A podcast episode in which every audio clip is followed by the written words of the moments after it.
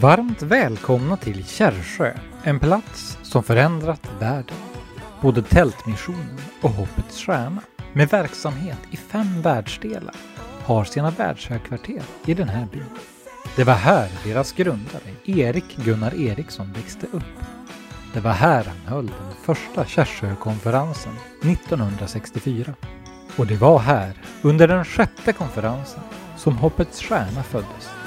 Och i detta nu deltar du i den digitala Kärrsjökonferensen 2021. Förra året så fyllde Hoppets Stjärna 50 år. Och vi hade planer, stora planer på att åka ut på en jubileumsturné. Vi hann med några platser eh, innan pandemin satte stopp. Karina, du var ju projektledare för den här, alltså de vi hann med. Hur, hur, hur förberedde du dig? Ja men det var, eh, det var väldigt roligt arbete att eh, kontakta församlingar och höra vilka som ville ha besök av oss. Och eh, även bjuda in då faddrar, de som har varit faddrar under en lång, lång period. Eller alla faddrar var ju naturligtvis välkomna. Men vi hade lite speciell eh, happening för dem. Mm. Så de fick eh, veta mer om, om både Hoppets Stjärna och sedan så att vi fick visa vår uppskattning till de som har varit faddrar länge. Mm. Och för var mig det? var det fantastiskt och för dig också att möta de som hade varit givare i så många år. Och helt plötsligt så upptäckte vi att vi har ju vänner över hela Sverige som älskar det vi gör. Att hjälpa barn och skapa en framtid. Ja, det var, det var makalöst. Och jag tänkte Frank, det var ju så att vi var ju på väg att fortsätta men pandemin tar alltså stopp. Och då kommer vi med en idé att göra din spelning. Eller hur? Ja. Och så ville jag vara programledare. Ja. Så eh, jag tycker vi visar den här nu efter våra lilla samtal. Ja, För jag, eh, det var viktigt att få egentligen fram det vi ville ha, få, få fram på den här turnén. Mm. Att just som Karina säger eh, ta kontakt och connecta med de som har varit trofasta givare under många år. Ja. Och varit liksom delaktiga i resultatet om man nu säger så. Mm. Och samtidigt ha lite kul. Det är ju lite roligt att ha med er som syskon för ni är ju lite roliga. Mm. Så jag ställde ju lite frågor där. Jag var ju som sagt programledare. Det var kul. Och det gör jag, gör jag även i det här programmet. Så ni får väl se hur det blir. Mm. Då kommer alltså vårt jubileumsprogram. Varsågoda.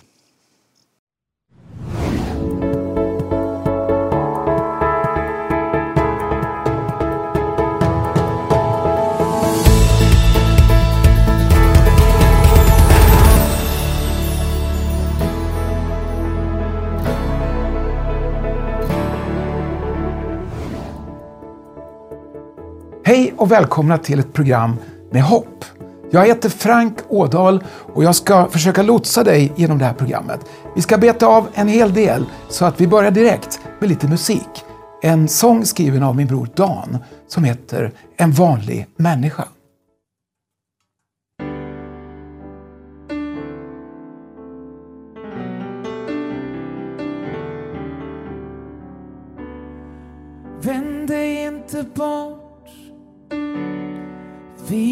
Vem du är. Göm inte dina nederlag. Glöm inte att du är en vanlig människa. Och jag behöver dig. Så ge mig dina fel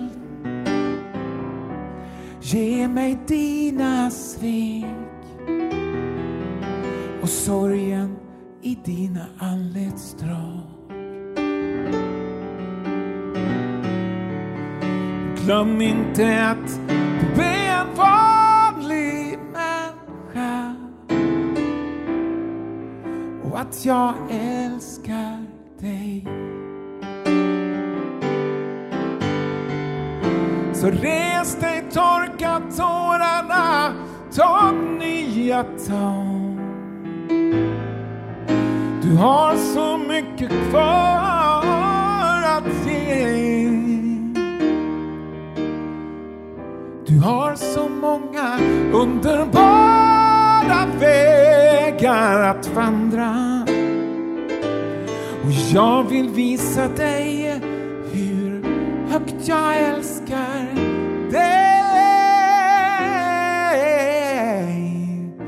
Så vänd dig inte bort. Visa vem du är. Göm inte dina nederlag.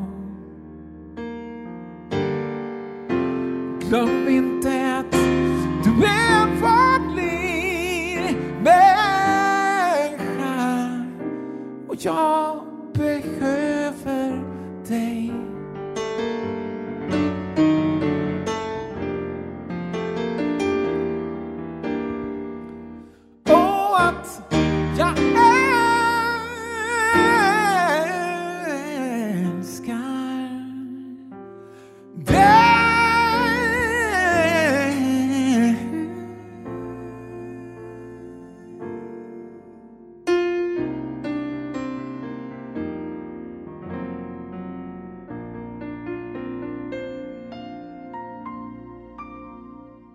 Hoppets stjärna, vad är det för någonting Ulrika? Vi är en biståndsorganisation som eh, arbetar i 12 länder. Fokus på utbildning eller fokus på att ge barn en bra start i livet. Så förskolan är ju den viktiga delen. Men sen har vi också undervisning och, skola ända upp till, eh, ja, till faktiskt gymnasienivå, high school. Eh, Men det är framförallt utbildningen som, som är själva kärnan ska jag säga. Därför att vi tror ju att, att ge barn en utbildning förändrar deras liv. Men det förändrar inte bara deras liv utan även sin familj, eh, sitt samhälle där de bor och i slutändan faktiskt eh, kanske hela landet. Så att det är det viktiga. Sen jobbar vi med, med eh, andra grejer också. Vi jobbar med, med katastrofinsatser, framförallt i de länder där vi, jobb, där vi jobbar på annat sätt. Och sen så jobbar vi också med barn med funktionsnedsättning, framförallt i Östeuropa. Så man kan säga att det är själva grunden, vad vi gör. Mm. Men ni har hållit på ett tag. Ja, vi har hållit på ganska många år. Vi firar faktiskt 50 år i år. Så att tanken var ju att vi skulle ha världens baluns och 50-årsjubileum och, och så. Och så blev det inte riktigt så. Vi, vi började, vi var ju med Ja. på den där resan vi också, Ja. jag och Carina. Vi kom en bit på väg. Ja, vi, så, två. Ja, Ja. två. Och sen fick vi, Sen fick vi ge oss. ge oss. På grund av eh, andra omständigheter. Ja. Vi kan återkomma till dem lite senare i programmet. Lennart, eh, du har ju varit med längre, ska jag vilja säga, än Ulrika. Hoppets stjärna har ju funnits då som sagt i 50 år och innan dess fanns det ju en annan verksamhet. Berätta lite grann. Ja, det var ju vår far, Erik Gunnar Eriksson, som eh, bildade en missionsförening 1966. Som då började med socialt arbete 69. Och eh, 1970 så invigdes det första projektet som fick namnet Hoppets Stjärna. Sen bildade missionsföreningen en hjälporganisation med samma namn, Hoppets Stjärna. Och det är den vi representerar idag. Vi ska komma tillbaka till det här med hur det känns att jobba som familj. För jag har ju också en liten erfarenhet av det där. Jag har jobbat med mina bröder i säkert 700 år. Nej, åtminstone 40 år. Eh, Så jag vet lite grann hur det kan vara att jobba med syskon. Och det kommer jag fråga lite mer om senare i programmet. Ni har ju också en annan syster som heter Maria. Har Och var är hon någonstans Hon, förresten? hon finns i USA. Hon finns fast Ja, i USA. ja, så är det. Så vi ska prata lite grann om henne också. Eftersom hon inte är här så kan vi ju säga vad vi vill. eller hur? Ja, eller hur? Men nu lite musik.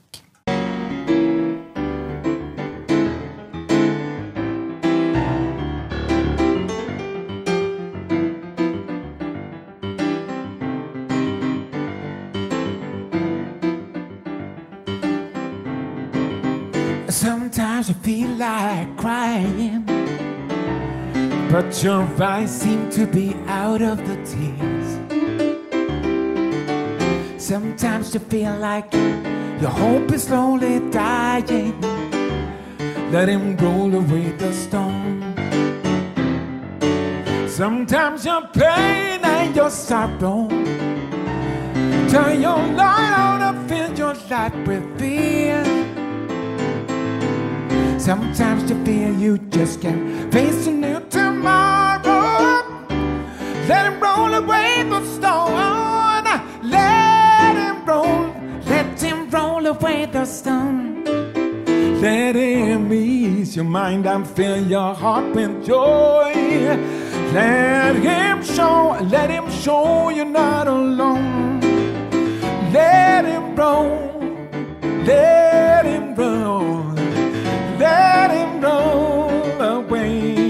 stone.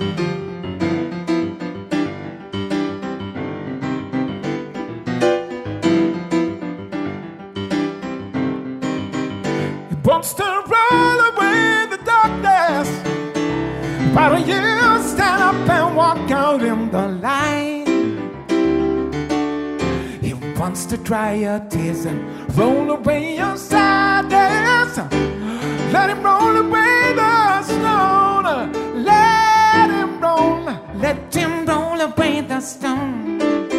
Let him ease your mind and fill your heart with joy.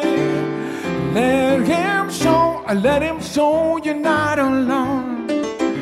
Let him roll, let him roll, let him roll away the stone. He wants to roll away the darkness. Wants to take away the pain. Shouldn't wait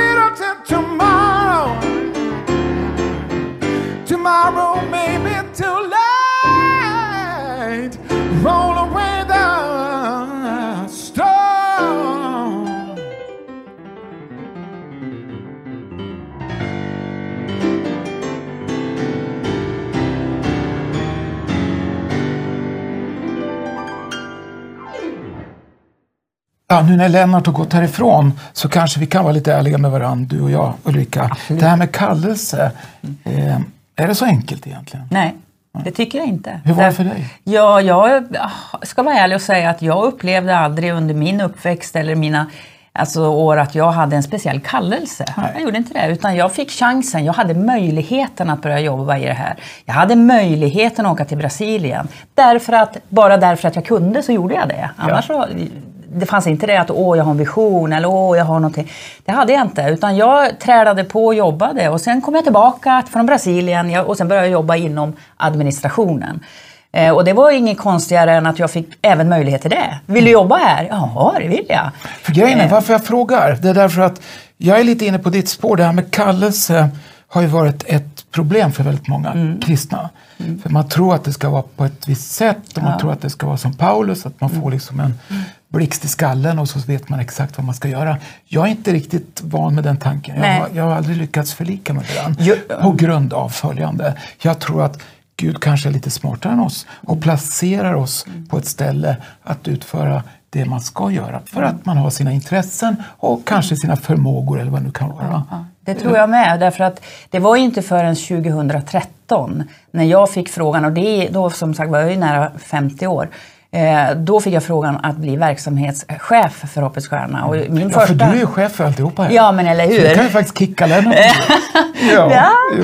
Eh, Eller står det ja. att du inte kan det i stadgarna? till. Eh, nej, nej, men alltså då fick jag frågan och jag säger då eh, spontant, men det går ju inte. Det kan jag inte. Jag, alltså det går inte. Sen så blir det så i alla fall och jag eh, säger, tänker då att så här tänkte jag. Ja men det är väl bara, jag får väl prova. Är det så att det inte går så går det inte. Så pragmatisk var jag. Mm. Ja. Eh, och sen så visade det sig att eftersom så insåg jag att jag hade en förmåga som jag inte visste om. Jag hade en, och det här är min person, jag hade en, en, ett, eh, ett ledarskaps... eh, Det var ett ledarskapsämne i mig som jag inte visste fanns. Och då insåg jag, ja men det är väl det här kanske, under alla dessa år, det här, nu hamnade jag rätt. Eller nu blev det rätt. Ja. Så, så enkelt Ett vara. tillägg till det också kan man ju säga det att, att det är bra också att förstå att det är en Guds välsignelse att han öppnar dörrar. Men det är en lika stor välsignelse när han stänger dörrar. Ja. Alltså i mitt liv har det varit så. Att jag är ganska yvig av mig som ni kanske har märkt. Eh, och jag går ganska snabbt på olika idéer och tycker det är kul. Och så. Men Gud har varit väldigt tydlig med att stänga vissa dörrar. Bara för att jag inte ska gå den vägen. och det här med kallelse, det behöver inte vara så vansinnigt eh, andligt, förstå mig rätt nu, utan det kan vara väldigt konkret. Du har en begåvning för ett visst yrke eller vad det nu kan vara och du har ett intresse, en dröm som du vill genomföra. Det tror inte jag bara kommer till av en slump. Det finns en tanke i det också. Så det är lite kul. Och vi samtalade om det för ett par år sedan, det här med ledarskap och även faktiskt marknadsföring lite grann, du och jag. och när det gäller Hoppets Stjärna så är det så att man har ju en grafisk logotyp och jag tänker ju rätt kommersiellt. Don't shoot me. Men jag är ju väldigt kommersiell av mig. Alltså för att jag jobbar med musik i en ganska kommersiell värld om vi säger så. Då, med utbildad låtskrivare sedan 22 år tillbaka och så vidare. Och då tänker vi ofta koncept, att man ska försöka då presentera och sälja in eh, ja, idéer, organisationer, varumärken och så vidare. Och då tänkte vi på Hoppets Stjärna. Vi pratade om det här du och jag just när vi, eh, vi jag vet inte vilket samtal det var riktigt. Jag kommer inte ihåg, vi har haft många. Så att, Men vi kommer in på det här med Ja. eran graf. Alltså det, rent grafiskt så ser man hur Star of Hope eller Hoppets stjärna ser ut. Men då kom frågan upp som vi ofta brukar ställa när vi gör reklam i radio till exempel. Hur låter ni? Det var lite kul, Ja. för då väcktes ju en tanke där. Ja, det, det var det att vi ville ju ha också en ljudlogga, eller vad man ska säga. Eller audio branding som det heter. Så Ja, ja, det är så Ja. fint så ja, jag vet det låter så jag- bra. ja, Nej, jag ja. vet inte heller, men det låter bra när man Ja, säger det. ja. ja, men alltså, och då är ju du... Alltså det, det var ju så naturligt eftersom du är ju en del av oss på något sätt. Du, Mm. du, du är otroligt engagerad och delaktig. Och, och då ställde vi frågan till dig. Mm. Eh, och då började du jobba tror jag. Det var jättekul. Ja. Eh, och eh, inte bara jag, utan även du blev involverad i det här på ett väldigt konkret sätt. Och även då att eh, slutföra produkten och eh, ge ut den faktiskt. För Ja. ni har ju ett eget litet bolag nu. Ja, men jag vet det. Ett litet skivbolag som Ulrika kommer att ge ut flera skivor på tillsammans med andra och sig själv. Vad vet jag? Det är i alla fall en Ja. idé. Här bara kommer vi med idéer hela tiden. Ja. Ja. Men sen också att vi tog in en riktig textförfattare. Ja. För det är inte min styrka, ska jag ärligt talat säga. Det är mer musiken och paketeringen jag jobbar med. Och det är Niklas Lundin. Och vi träffade ju Niklas här i somras, jag och Ulrika. Och så här lät det.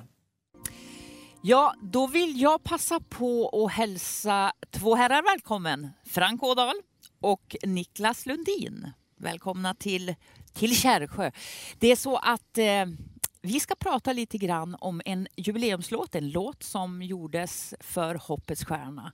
Och de här två männen har varit delaktiga bägge två. Och det började med dig Frank. Jag tänkte Ja, vi skulle höra hur, hur blev det? Vad hände? Ja, det är frågan det. Det har jag undrat länge jag också faktiskt. Men det var ju så att vi var ju hemma hos Lennart. Ja, Det är din bror. ja alltså. min bror ja. Ja, och eh, han är ju väldigt bra på att grilla. Och jag gillar ju kött.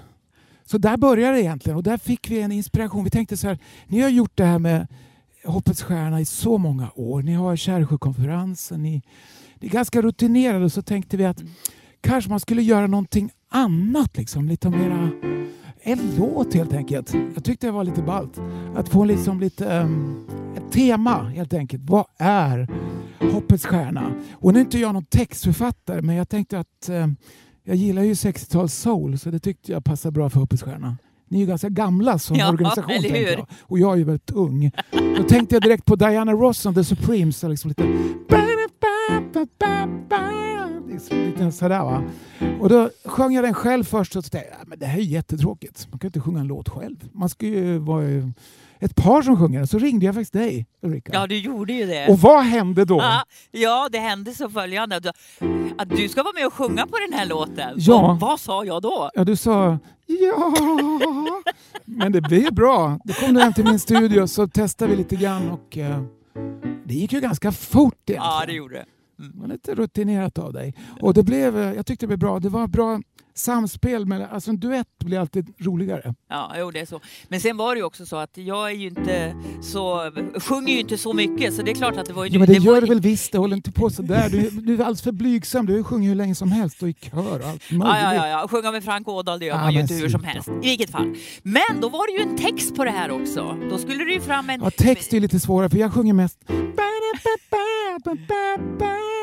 när jag gör Ja. låtar. Och det, det är klart att det går ju att göra en låt på det viset. Det gör det ju. Men det är ingen som begriper vad man vill ha sagt. Så att jag, jag ringde ju då Niklas. Och där sitter Niklas. Ja, Och eh, hur kändes det att få det här uppdraget att skriva om Hoppets Stjärna? det var en spännande utmaning. Kändes jättekul. För att det var ju lite kul det här med att hur ska man skriva en sån här text? Jag är ju ingen textmänniska överhuvudtaget. Så att du fick ju ganska fria händer där. Och Mm. jag vet att verserna representerar helt olika saker egentligen. Ja, det knyts ihop alltihop, men precis. Jag, jag brukar försöka tänka att det är skönt att inte skriva saker på näsan på folk utan eh, försöka bygga in eh, så att man blir nyfiken. Så första vers handlar egentligen om en, en, en, en väldigt verklighetsrelaterad berättelse där man får följa en eh, liten pojke som är på väg till skolan för första gången. Eh, och så får man veta lite, lite grann om den pojken, men inte för mycket. Och andra versen berättar lite större berättelse. Eh, och så knyts det ihop i en refräng som på något sammanfattar. Och så vill vi ha med hoppet då förstås. Eftersom hoppet Mm. och stjärna. Ja, Det var ju ganska smart. Och du, det fanns ju, jag fick ju hoppet andas. Eh, att jobba mer så- utifrån. Precis, ja precis. Så det, hopp, hopp, hopp, hoppet andas tänkte jag först då va. Men det blev inte så bra liksom. Så då, då tänkte du, så länge hoppet andas. Det var ju jättebra ja, tyckte jag. Ja, ja det, det är en helt fantastisk Det la text. sig rätt i munnen. Precis, och det, jag tycker att det är spännande. Det finns ju en, ett uttryck, så länge man lever finns det hopp. Och det här är ju faktiskt Precis. att vända på det. Så länge hoppet andas, så länge finns det liv. Och det här du säger med att inte skriva saker och ting på näsan, det tycker jag är ganska bra med sticket. Förklara, vad är ett stick? Det låter ju konstigt. Stick är en slags eh, del efter andra refrängen vanligtvis där eh, men man tar in ett slags nytt perspektiv. Eh, man får en liten eh, glimt ytterligare av alltihop. Och det tycker jag är väldigt bra, det du skrev just i den. Vad skrev du för någonting? Vad var det? Vad säger man när orden blir för små? Alltså man? genialisk, eh, genialisk rad där, Mm. faktiskt. Vad säger man Vad när orden man? blir för små? Exakt. Och sen, vad tänker man när livet blir för svårt? Det är också, Mm. jag, jag tycker det är kul när du skriver texter på det viset eftersom du ställer en fråga som egentligen inte får något direkt svar. För det är ganska stora frågor det här. Jag menar, när livet blir för svårt och när orden inte räcker till.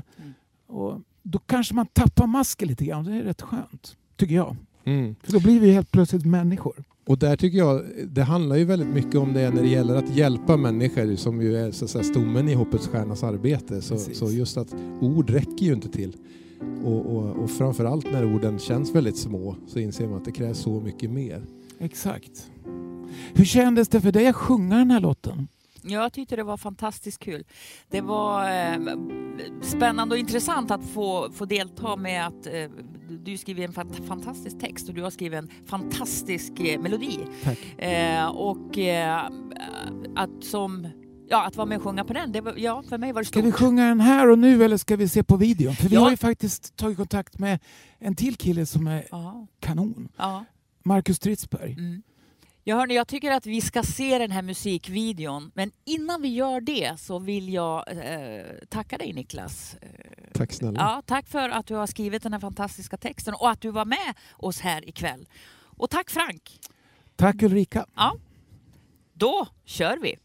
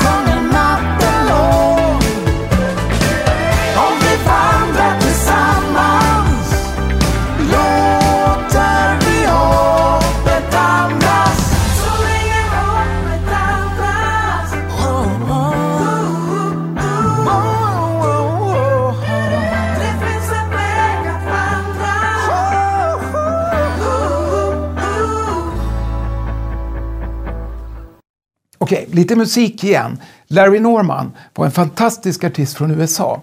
Han skrev jätteroliga texter tyckte jag. Jag växte upp med de här texterna och jag och mina bröder lyssnade väldigt ofta på Larry Norman. Och nu har jag gett mig på att tolka en av hans låtar. Den heter My feet are on the rock. Kul att vara här i Kärrsjö. Det är så tredje gången för mig tror jag. Och lite speciellt i år med det här med kameror och inget folk, bara massa mygg. Mygg i halsen till och med. Men den här låten är gjord av Larry Norman och den låter så här. My feet are on the rock, my name is on the roll. Moving and a grooving doesn't satisfy my soul, so when I'm down, I go out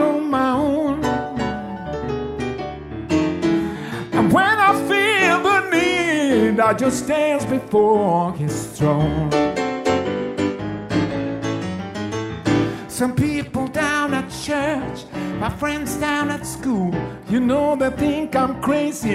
They act like I'm a fool, but I believe, yes, I do believe. I believe it in my soul. And when I feel the need, I just dance before his throne. Take it easy and nice and slow. Feel his presence, don't you know? If he's so strong, I won't go. I wanna dance because he saved my soul. Goliath had a sword, David had a stone. I have got the Lord, so I am not alone. But if you wanna push me down, brother, I will not find you back. Yeah. Cause God loves all his children red, white, yellow, brown, and black.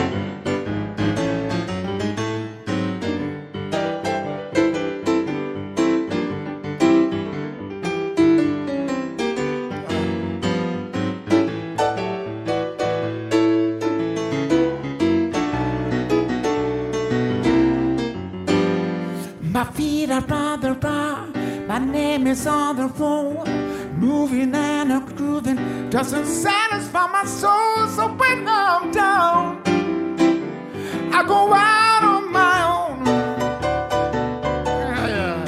But when I feel the need, I just dance before his throne.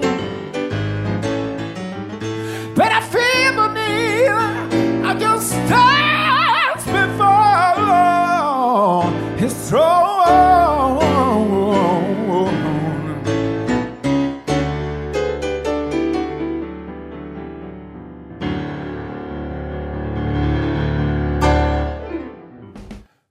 För fem år sedan var jag och min fru Karina med om någonting helt fantastiskt. Vi fick möjlighet och tillfälle att åka ner till Manila och stadsdelen Tai-Tai och träffa våra fadderbarn. Och det var en helt omvälvande upplevelse ska jag säga. Eller vad säger du Karina om det här? Ja, det var fantastiskt roligt att få träffa eh, våra fadderbarn. Det var första gången.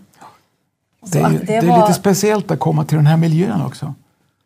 Ja, det var det. Att få se och eh, bara uppleva eh, området och skolan och eh, mm, vad som är barnens vardag. Mm. För Hoppets Stjärna har ju faktiskt en skola där. Hur ser den verksamheten ut egentligen? Den är ganska stor va? Den är ganska stor. Det är både grundskola och eh, sedan så nu har man då precis startat årskurs 11 och 12.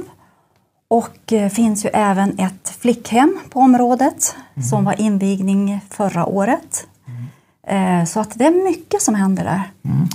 Eh, det- man bör känna till det är att stadsdelen det är ingen normal stadsdel.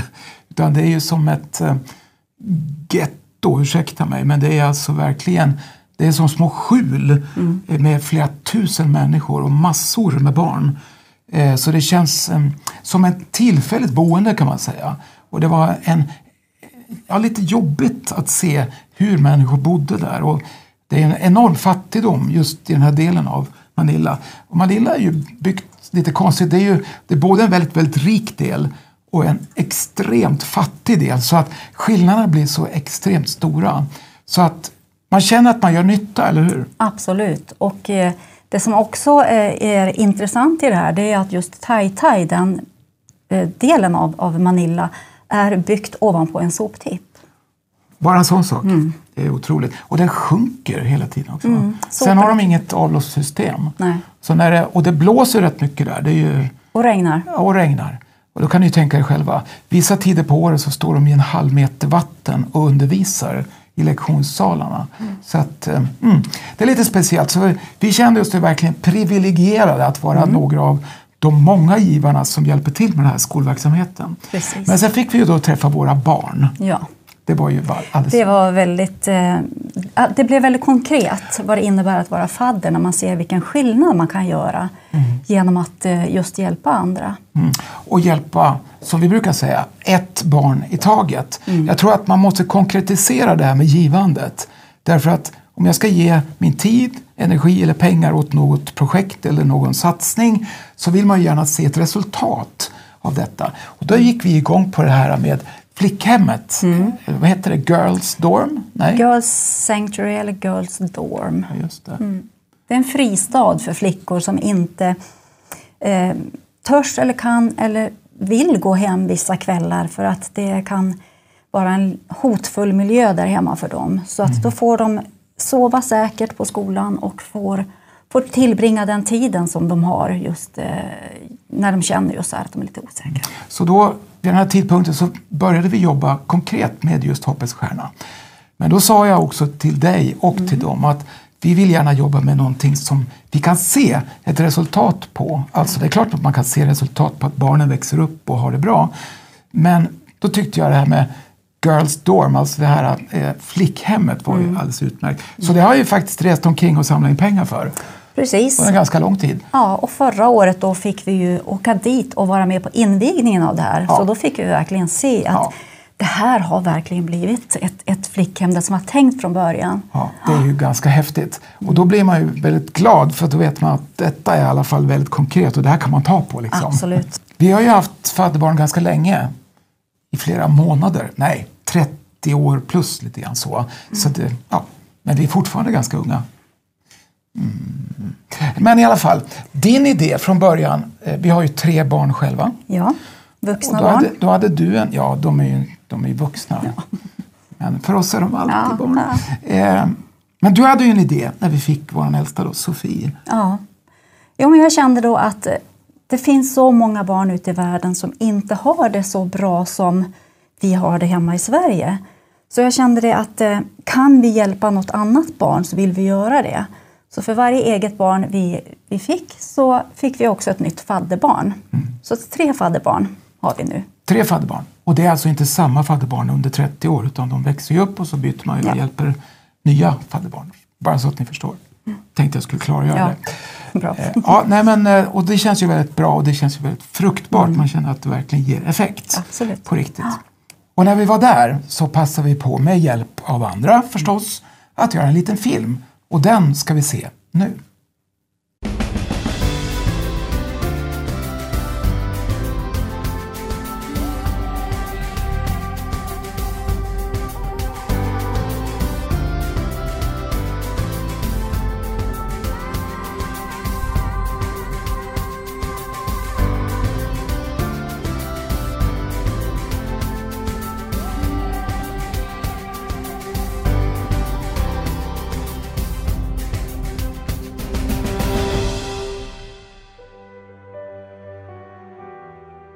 Resan till skolan. Nervöst, men ändå inte. Förra gången var vi inte beredda på vad vi skulle få se. Fattigdom? Jo, absolut. Men inte mötet med alla dessa varma människor. Som visserligen lever under omöjliga förhållanden, men som inte låter fattigdomen ta bort kärlek, gästvänlighet och omtanke. Filippinerna, över 100 miljoner människor. Manila, bara stan alltså, 13 miljoner människor. Det är svårt att på något vis försöka jämföra med Sverige. När man kommer hit i just Tai Tai Rizal och ser de här kontrasterna så blir man verkligen fundersam. Kan man hjälpa människor när problemet är så stort? För man ska komma ihåg att över 50 procent av filippinska befolkningen lever i fattigdom. Och det kanske man inte ser när man ser de här skyskraporna, eller hur? Men vi är här för att verkligen försöka göra skillnad. En person i taget. Det känns någonstans som om vi har blivit inbjudna till att vara en del av dem. En del av deras hopp och deras framtid. Men vad är då kärlek? Det är väl att se sin medmänniska, att bry sig, att göra skillnad, en person i taget. Att vara en fadder blir så mycket mer meningsfullt när man träffar barnet som man hjälper. Så mycket liv, så mycket glädje, så fantastiskt mycket kärlek. Ja, nu är vi här på Star of Hopes eh, skola i Filippinerna. Eh, på den här skolan finns det, går det 2000 barn och ungdomar. Och eh, just nu håller de på att öva för invigningen för 30-årsjubileet som ska vara nu imorgon. Så att det, är, det bara sprudlar av liv och glädje här på skolan just nu. Star of Hope Foundation Day, 30-årsjubileum. Med små resurser och med hela familjen som deltagare tar varje årskurs fram ett dansnummer med egen koreografi, med kläder och rekvisita de gjort själva och med ett engagemang som man sällan sett maken till. Det är så otroligt medryckande och imponerande. Man känner glädjen och entusiasmen från varje litet barn. Det är sannerligen svårt att sitta still och bara bli en åskådare. För dem och för oss blir detta en högtid som vi sent kommer att glömma. När man kommer på plats och ser den här skolan så inser man ganska snabbt vad den betyder för alla som bor här. Det är som en fristad. Ofattbart många barn som den här skolan har hjälpt och hjälper. Med undervisning, mat, gemenskap och mening med livet faktiskt. Det är rätt stort. Av våra tre fadderbarn är Stephanie, eller Stepp som man säger här, äldst. Vi har följt henne under många år. Hon och hennes underbara familj. Gemenskap och glädje mitt i en hopplös situation. Otroligt roligt att få träffa dem igen.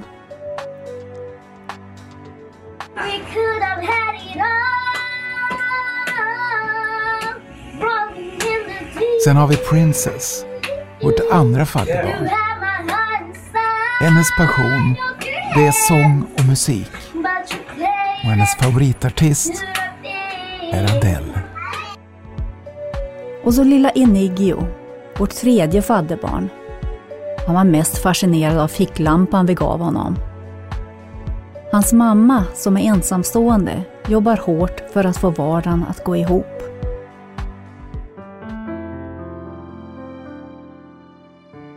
Förskola, grundskola och snart high school.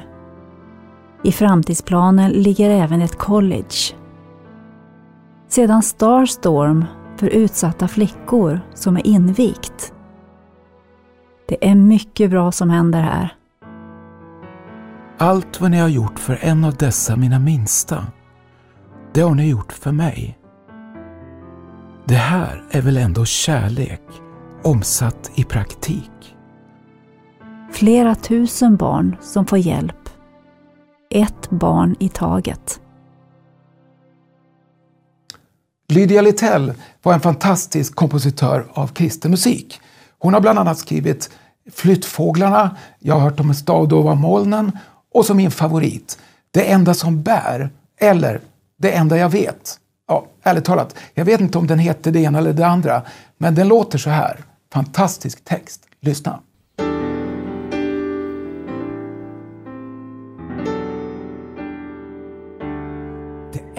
Enda som bär när allting annat vacklar Det är Guds nåd och Guds barmhärtighet. All jordisk berömmelse och glans den slocknar när sist jag står hos Gud i härlighet. Det enda som står genom alla tider är Kristi kors och blodets säkra grund. Ty allt vad jag byggt av hö och strå, det faller.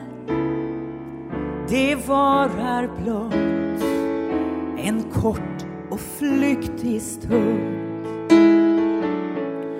Det enda jag vet, det är att nåden räcker. Att Kristi blod min synd, min skuld betäcker. Det enda jag har att lita till en gång det är Guds nåd, gränslösa nåd.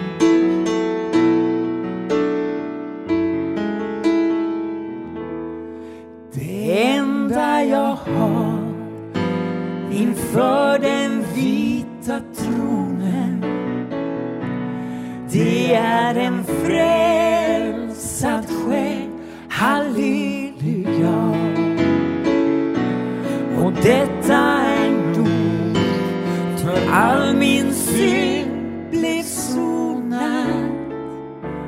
när Jesus dog för mig på Golgata. Det enda jag vet det är att nåden räcker att Kristi blod min synd,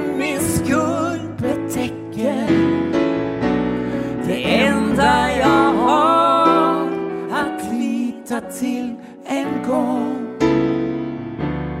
det är Guds nåd, Guds gränslösa nåd. Det är Guds nåd, Guds gränslösa nåd. Det är Guds nåd,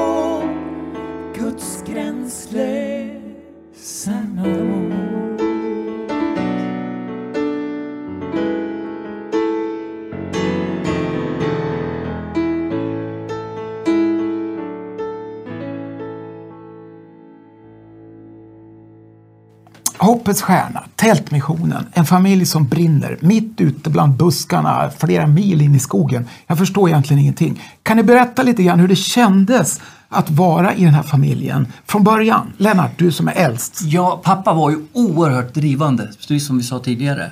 Och han smittade av sig. Och jag vet inte, men jag upplevde en kallelse som ett litet barn att hjälpa honom. Jag var bara sex år. Och sen gjorde jag det under hela min uppväxt på alla möjliga sätt att hjälpa till. Och en dag så hamnade jag i, på barnhemmet i Brasilien och kände bara jag vill ge mitt liv för att hjälpa många barn över hela världen. Och sen då bildades ju organisationen Hoppets Stjärna. Men alltså från början då, alltså, du sa att du hjälpte till när du var sex år. Vad fick du göra rent Nej, jag, då gjorde jag inte så mycket. Jo, men säg exakt Jag var vad du med- fick göra. Jag satt och styrde bilen. Ja, ser Hjälpte du. pappa på ja, men det kan ju vara till hjälp om Ja, ja, pappa inte kan styra själv, tänker jag. Men i alla fall, du då, när du började Ulrika? Ja, ja. Hur gammal var du då? Ja men alltså, det, jag, jag vet faktiskt inte. Vi, vi växte upp i det. Vi hjälpte till att stoppa brev och vi hade någonting som Stoppa hette... brev, Ja, alltså, alltså, eller vi stoppade... Stoppa i brev i ja, kuvert, tänker jag ja, ja, kanske. ett Ja, jag brev i kuvert. Ja. Ja. Och sen så hade, fanns det något som heter Barntian som sålde. Så det, fick vi, det skulle läggas ihop på ett speciellt sätt. Så vi satt där och höll på på kvällar ibland. Inte alltid naturligtvis, men det hände att vi hjälpte till. Så någonstans så, så alltså det var en del av livet. Men du, det här med barntian, det fascinerar mig lite grann. Vad betyder det? Vad är det för någonting? Ja, det var ett sätt att samla in pengar. Ja. Så enkelt var det. Vi bytte en Ja. tryckt tia mot en äkta tia. Ah, okej. Lite monopol mot riktigt. Ja, ja, ja. Ja, ungefär. Bra, bra ja, tips ja, där kanske. ja. Det här med att jobba tillsammans som syskon, det har ju jag också en del erfarenhet av sen hur många år tillbaka som helst med min bror Dan och min bror Simon. Och det har ju visat sig vara både bra och ganska påfrestande i vissa lägen. Hur är det för er? Ni har ju Maria med i det här och det är ni två. Jag kan tänka mig att det blir ett evigt sammelsurium av åsikter som far och flyger hit och dit. Eller vad säger ni? Det är sant. Det så är det. Vi har olika åsikter om Men det, saker och ska, ting. det kanske man ska ha också. Ja, jag tycker inte att det är dåligt. Men, men eh, det är klart att det är ju alltid, det vet ju alla som jobbar i familjeföretag. För man kan ju säga att det här på något sätt är det för vi är tre stycken syskon som, som driver det. Det är klart att allting blir känsligare. Därför att det är ju en sak om du, om du eh, snackar jobb. Hur ska man då låta bli att ta in känslorna mot att eh, det här är min stora syster eller det här är min storebror? Det måste man, tror jag ändå, man måste finnas i, man, man måste klara av det på något sätt. Ja, det. Och det, går, det går bra för det mesta, men det är väl klart att det, vi har haft våra kontroverser. Ja, hur ser det ut när ni har en kontrovers? Det var lite intressant. Ja, det är väl lite olika. Jag, jag, Jag vill bara jämföra med min egen familj. Jag är, ganska, jag är väl den som är, faktiskt är, är lugnast av alla. Så att både Maria och Lennart har väl ett större humör, eller ett vidare humör. Så att det kan bli lite hårda ord ibland, men inte så att det är så superallvarligt Lennart. Nej då, vi har en regel att när det är stora beslut som ska fattas, då går vi in i ett rum och stänger dörren. Och så går vi inte ut förrän vi är överens. Då får vi ge och ta, kompromissa. Men det viktigaste av allt tror jag, det är vår överenskommelse om att vi ska vara tydliga om evangelium. Att vi tror på Jesus Kristus. Och att vi inte skäms för evangeliets kraft. Det tror jag är ett av de viktigaste besluten vi har tagit. Ja, jag förstår. Men det behöver inte vara ett hinder för att syskonrivalitet Nej, uppstår. absolut. Att vi har en vision om att följa den evangeliska tanken är ju bra. Men samtidigt kan det bli så här att när man är syskon så blir det väldigt Du är ju lilla syster Ja. tänker jag. Ja. Och lämnar till Men- storebror. Sant, och jag menar att det här är inte jätteenkelt och det är en utmaning för alla som håller på i, i, med släkt och så här. Men jag tycker på riktigt att vi har hanterat det bra, så bra vi kan men det ändå fungerar. För det är ju, vi är ju ett bevis på att det fungerar. Det kan men det vara har inte varit helt Det kan ju vara en styrka också kanske att vara syskon i ett sånt här arbete. Ja, det tror jag. Varför inte? Vi kan ju prata om allting. Vi Ja. kan ju faktiskt göra det. Och vi kan ju säga precis vad vi tycker om det, så det är ju då fördelen. En Eh, annan fördel det är det att i många utvecklingsländer vi arbetar i så är ju familjen kanske starkare än vad den är i vårt land, Sverige. Det. Och det ger ett väldigt starkt intryck när tre syskon eh, är överens om att det här ska vi göra, det här är vi övertygade om. Och det ger stor respekt, har jag upplevt. Ja, och jag kan tänka mig också att, för jag menar mitt intryck av Hoppets Stjärna, det är att det är ett familjedriv, en familjedriven organisation. Vilket eh, attraherar mig på grund av att det inte är en stor baluns till organisation som sitter och bestämmer någonstans uppe i det blå. Utan är ganska, kan säga, platta i er organisation. Så det är ganska mycket lättare att eh, till exempel ta kontakt med dig Lennart eller dig Ulrika eller Maria för den delen. eh, När det gäller just frågor som berör er individuellt och specifikt. Så det, eh, det kanske är en styrka. Ja, det tycker jag. Och sen så är ju vi uppvuxen i ett sammanhang med en pappa som var otroligt enkel som person. Eh, Det var, han man var aldrig på några höga hästar. Eller liksom det var, och det där ligger i våra gener, eller vi har vuxit upp i det och har det. Så vi är ju eh, som personer, tycker jag, väldigt simpla människor. Jo, eller, men vi fick lära oss också att ska du göra något behöver du understödjare och sådana som backar upp dig. Då måste du behandla dem med den största respekt. För ingen av oss är någon me- mer än någon annan utan alla dessa enskilda givare som varje månad är med och ger oss bidrag. Utan de vore vi inget. Därför så är vi väldigt ödmjuka inför uppgiften att vi är inget speciellt. Vi har bara fått en uppgift och vi vill göra den så bra som möjligt till så låg kostnad som möjligt för så många som möjligt. Men återigen, tillbaka till det här med kallelse och tillbaka till det här med att man går in i någon annans kallelse. Jag vill provocera lite grann. Vad, vad, finns det en risk med att man bara tar över någon annans uppdrag, om ni förstår vad jag menar, utan att kanske brinna för det från början? Vet inte, känner ni det? det är jag vet vad du pratar om nu. Mm. För att jag tog över Tältmissionen 2013. Då måste du förklara lite grann för lyssnarna. Ja, men det är ju moderorganisationen som är rent evangelikal och Ja, missionerande. Predikar Guds ord, har bibelskolor och sånt. Hoppets Stjärna är ju en professionell bistånd och utvecklingsorganisation. Ja. Då skulle jag ta över det pappa hade byggt upp och jag insåg att jag klarade inte av att fylla hans skor. Det var omöjligt. Och jag gick ganska djupt ner i förtvivlan över hur ska jag klara det här? Och det gjorde jag inte. Men jag eh, kapitulerade inför Jesus själv och sa att jag klarar inte det här, hjälp mig. Och då insåg jag att det är jag och min kallelse det handlar om. Vad pappa hade, det var hans. Ja, det är bra. Och det var svårt att komma över det där för man jämför ju gärna, ja, titta nu är sonen igång, han är väl som pappa. Du vet. Jo, ja, jag känner igen det här och det är ju ganska vanligt i jag menar, pastorsfamiljer och det är vanligt i missionärsfamiljer också, tror jag. Nu kanske vi låter lite provocerande här men jag, jag tror också att det är viktigt att känna sin egen kallelse, sin egen identitet i ett arbete. Oavsett vad det är för arbete man utför, tänker jag. Men, men, nu vill jag avbryta dig här och säga så här. Om vi bortser från det här vackra och fina som ni har faktiskt byggt upp tillsammans med era givare och hela den grejen, det är jättebra. Är det något annat som ni brann för under uppväxten? Vill ni, jag menar, du kanske, du höll ju på att spela en massa instrument Lennart och såg ut lite grann som Jag var ju med i Elvis. dansband, var med ett dansband för Och hela hade friden. jättekul och Jaha, lärde mig på du hade jättekul där ja, också. Ja, det hade jag. Ja, ja, ja, ja. Men eh, Vad hette, hade... vad hette dansbandet? Exakt. Det hette exakt. Exakt. Det var ett exakt. Nej. Nej, det var inte ett S. Inget, Z- inget Z på slutet. Men X. X. Och ett C. Ah, X-Act. Åh, vad fränt. Det blir som X-Factor nästan. Ungefär. Hur lät ni då? Kan du dra en låt? Hyfs, nej, det kan jag inte Baby, härma. baby. Vi lät som ett rock'n'roll baserat coverband. Och, och du spelar, vad gjorde du? Bas. Bas. Dansar du något på scen? Nej. Stel som en pinne som basister skulle vara på den tiden. Ja, så vad sa jag? Ja, men kanske kan du vaja lite. ingenting så här? Ja, lite. Det är klart. Ja.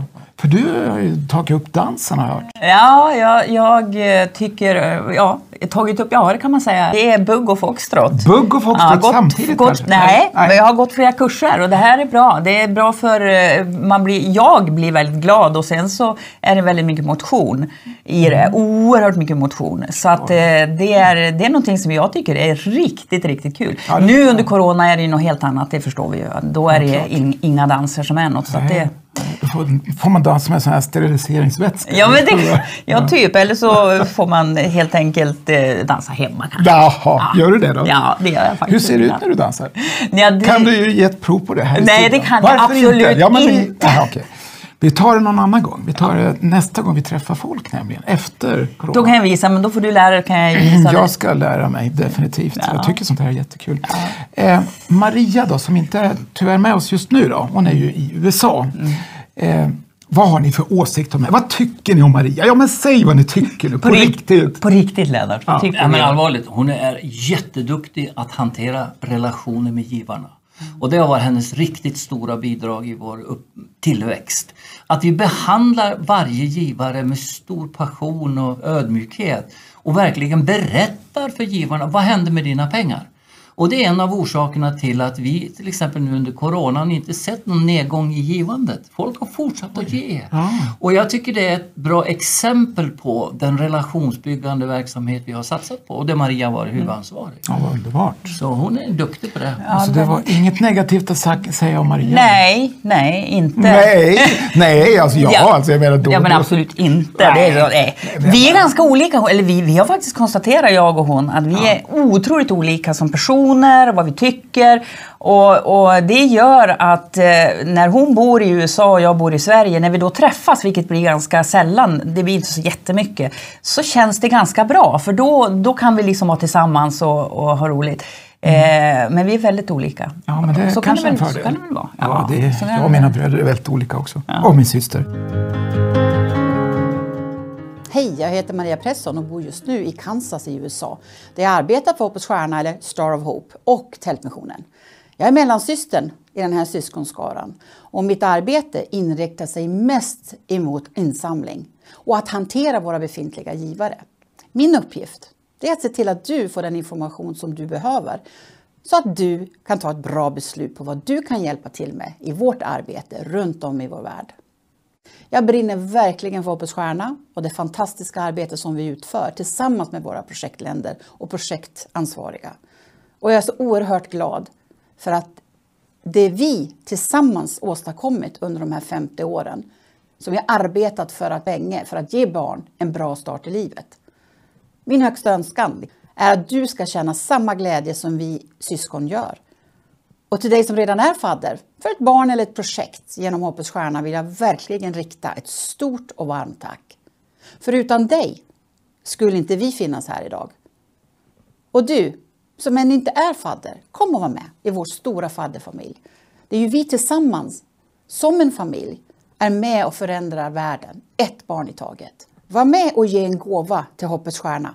Det gör du genom plusgirot 90 02 53-6 eller via swish 9 002 536. Och den gåvan du ger, liten som stor, är med och förändrar. Även här ett barn i taget.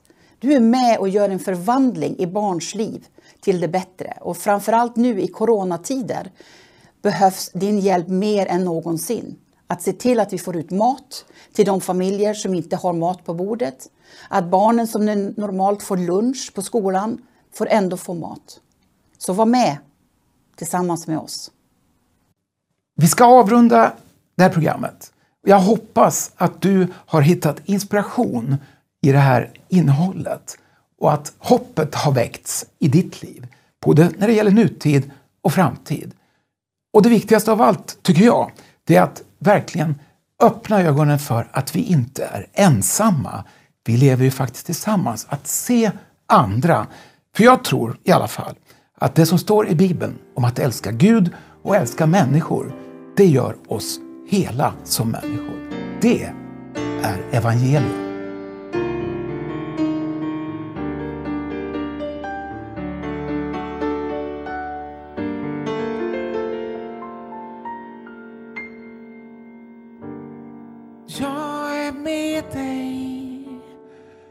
I den svarta natten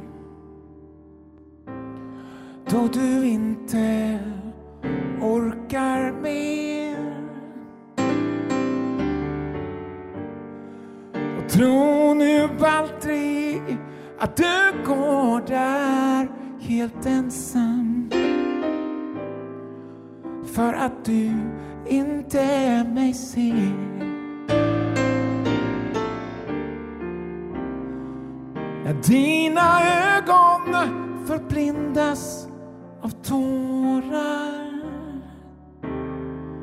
så att du faller ibland. Och jag kommer alltid att gå vid din sida. Kom mitt barn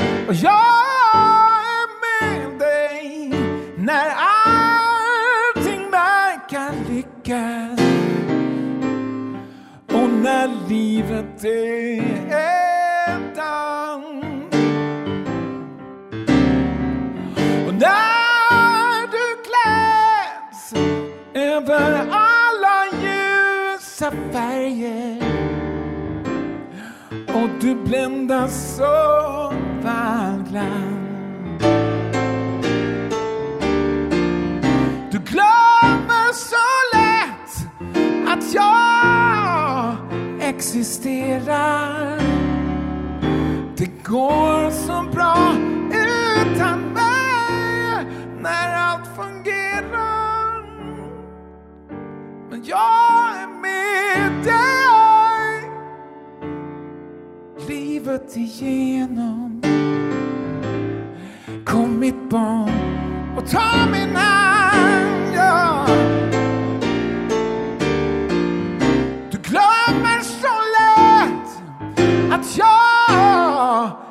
Existerar.